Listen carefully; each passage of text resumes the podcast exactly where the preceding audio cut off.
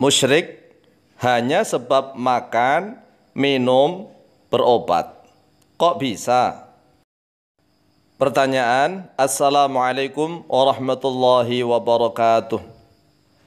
Mohon maaf, kami pernah mendengar ceramah antum yang mengatakan bahwa orang Islam memakai rajah atau azimat atau benda-benda bertuah seperti keris, cincin, rompi yang diberi asma dan sabuk yang dibalut rajah atau azimat itu semuanya tidak apa-apa.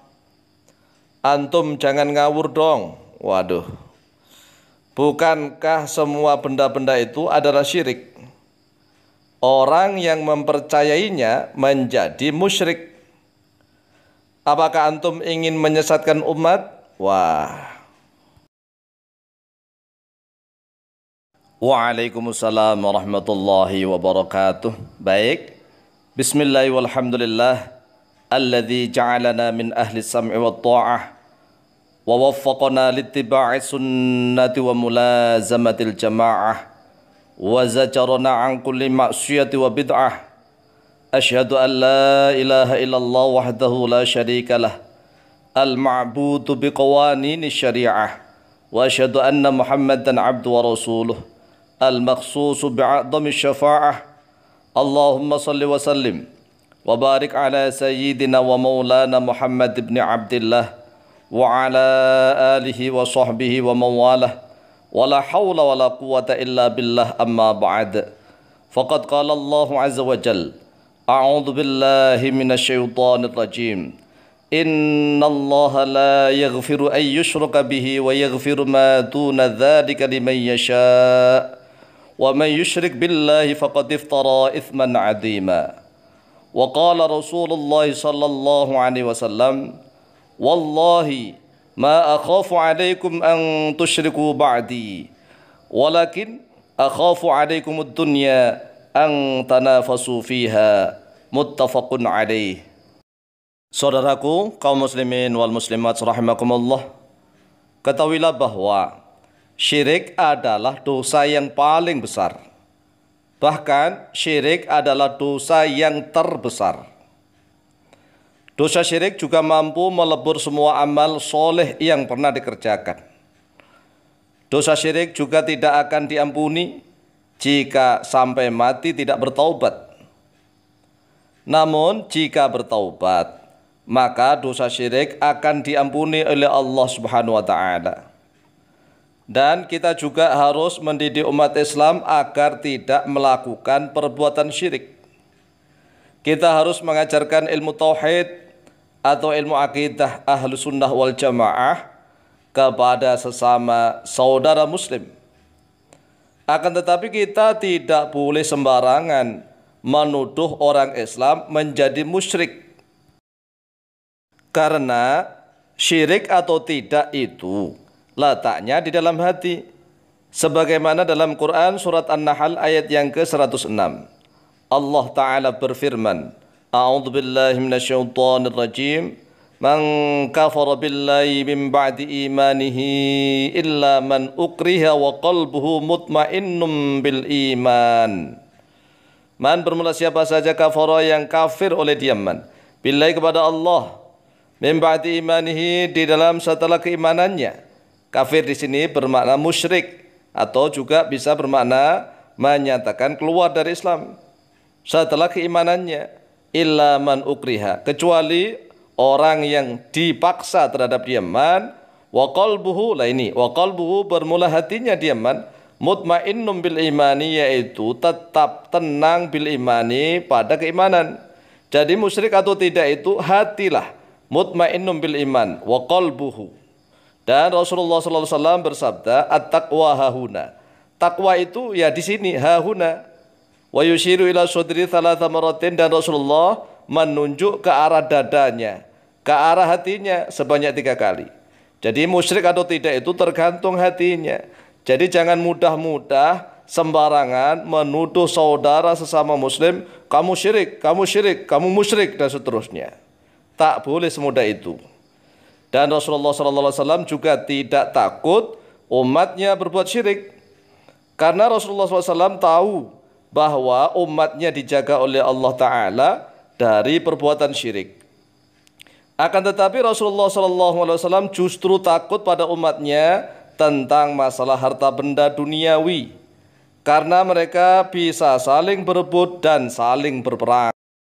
Dalilnya hadis sahih an Uqbah bin Amir radhiyallahu an anna Rasulullah sallallahu alaihi wasallam qol.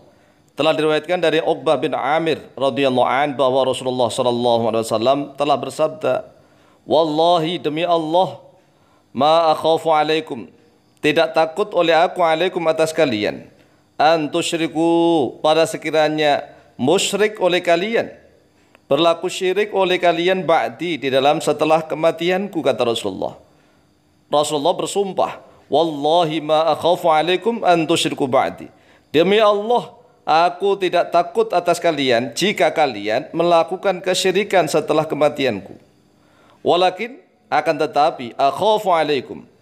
Akhafu takut oleh aku alaikum atas kalian ad-dunya pada duniawi, harta benda duniawi. Ang tanafasu fiha. Sekiranya berlomba-lomba oleh kalian, berebut oleh kalian fiha di dalam dunia itu. Rawal Bukhari rawat telah meriwayatkan pada hadis Al Bukhari oleh Imam Bukhari. Nomor hadis 1344 wa Muslimun dan oleh Imam Muslim nomor hadis 2296. Ini hadis sahih. Jadi jelas Rasulullah tidak mengkhawatirkan, tidak mentakutkan umatnya berlaku syirik. Tetapi Rasulullah mengkhawatirkan, menakutkan umatnya pada harta benda duniawi sehingga mereka saling berebut, saling sikut-sikutan, saling hujat menghujat, saling bunuh membunuh. Oleh sebab itulah jangan sembarangan menuduh saudara sesama muslim yang mempunyai keris atau tombak atau pedang atau panah atau pistol atau memiliki granat atau memiliki senjata api atau memiliki cincin atau batu akik atau batu merah delima atau memiliki rajah atau azimat atau rompi atau sabuk atau selendang atau benda-benda bertuah lain yang dikeramatkan kemudian dituduh syirik orang musyrik. Tidak boleh begitu. Syirik atau tidak itu letaknya di dalam hati Kang.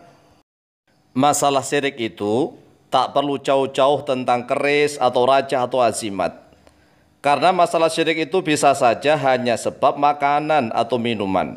Atau berobat jika memang akidahnya yang salah.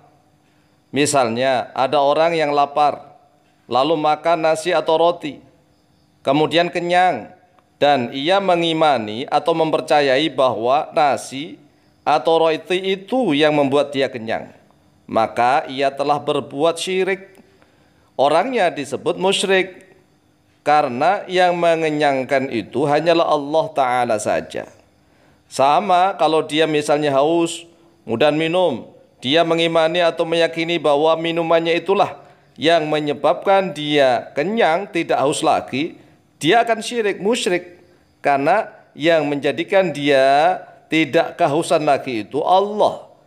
Makanan dan minuman itu hanya sebagai wasilah perantara saja. Sama orang yang berobat, misalnya sakit kepala, minum bodrek. Kemudian dia meyakini bodrek ini loh yang menyembuhkan penyakit kepala saya. Syirik dia. Syirik. Kenapa? Yang menyembuhkan hanya Allah Subhanahu wa taala. Begitu loh Kang ya.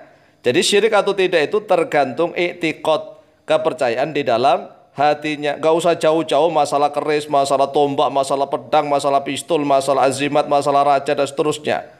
Jadi jagalah hati agar jangan berlaku syirik. Kalau berlaku syirik maka orangnya musyrik. Kalau musyrik maka seluruh amalnya akan hilang lebur. Dia harus bertobat kepada Allah Subhanahu wa taala. Demikian jawaban kami mudah-mudahan membawa manfaat dan barokah kepada kita semua fitini wa dunya wal akhirah. Wallahu taala a'lamu biswab.